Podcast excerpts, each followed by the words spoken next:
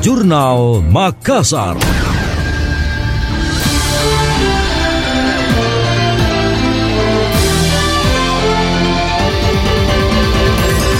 Oknum supporter PSM Makassar melakukan aksi unjuk rasa menuntut pembangunan Stadion Mato Anging di kantor gubernur. Pendemo yang menamakan diri Aliansi Peduli Mato Anging itu berhasil masuk di lobi kantor gubernur dan melakukan tindakan anarkis. Aksi unjuk rasa mereka mengakibatkan sejumlah fasilitas di lobi kantor gubernur rusak. Beberapa personel Satpol PP juga mengalami luka akibat lemparan batu dari pendemo. Atas kejadian tersebut, pemerintah Provinsi Sulawesi Selatan telah berkoordinasi dengan Polda Sulawesi Selatan. PLT Kepala Satpol PP Sulawesi Selatan Andi Rijaya mengatakan pihaknya meminta Polda Sulawesi Selatan mengusut tuntas otak atau aktor intelektual di balik kejadian ini. Menurut dia, aksi perusakan dan tindak kekerasan atas nama apa pun tidak pernah dibenarkan. Apalagi yang dirusak adalah fasilitas publik sekaligus objek vital negara. Sementara itu, Fajri selaku Jenderal Lapangan Aksi membantah tudingan pihaknya berbuat anarkis. Ia berdalih anggotanya bisa leluasa masuk karena tidak ada satpol yang berjaga di lapangan.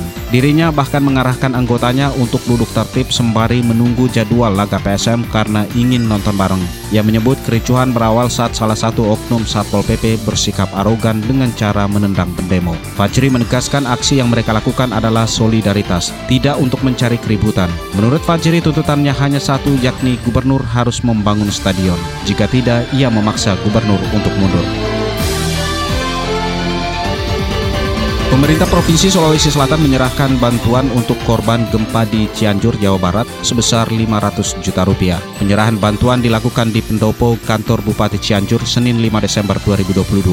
Bantuan kemanusiaan ini diserahkan langsung oleh Kepala Pelaksana BPBD Provinsi Sulawesi Selatan, Muhammad Firda didampingi Kepala Bidang Kedaruratan dan Logistik BPBD Sulawesi Selatan, Amran Aminuddin. Firda mengatakan bantuan ini merupakan atensi dari Gubernur Sulawesi Selatan Andi Sudirman Sulaiman. Sehari setelah gempa terjadi, Sudirman memerintahkan agar pemerintah provinsi menyiapkan bantuan untuk korban gempa. Firda menuturkan pihaknya juga menyerahkan secara simbolis bantuan logistik yang terkumpul dari dunia usaha di Sulawesi Selatan. Bantuan itu dikoordinasikan melalui Forum Tanggung Jawab Sosial Sulawesi Selatan. Sementara itu Bupati Cianjur Herman Suherman didampingi asisten 2 Budi Rahayu menyampaikan terima kasih atas bantuan yang diberikan. Menurut Suherman, perhatian dan bantuan yang diberikan Gubernur Sulawesi Selatan akan membantu warga Cianjur untuk bangkit kembali. Diketahui musibah bencana alam gempa bumi berskala 5,6 skala Richter melanda Kabupaten Cianjur, Jawa Barat. Hingga 5 Desember 2022 sudah ada 334 orang yang meninggal dunia dan 8 orang masih dalam proses pencarian.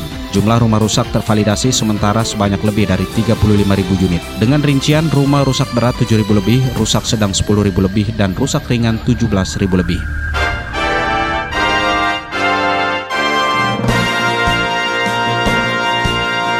Demikian tadi, Jurnal Makassar.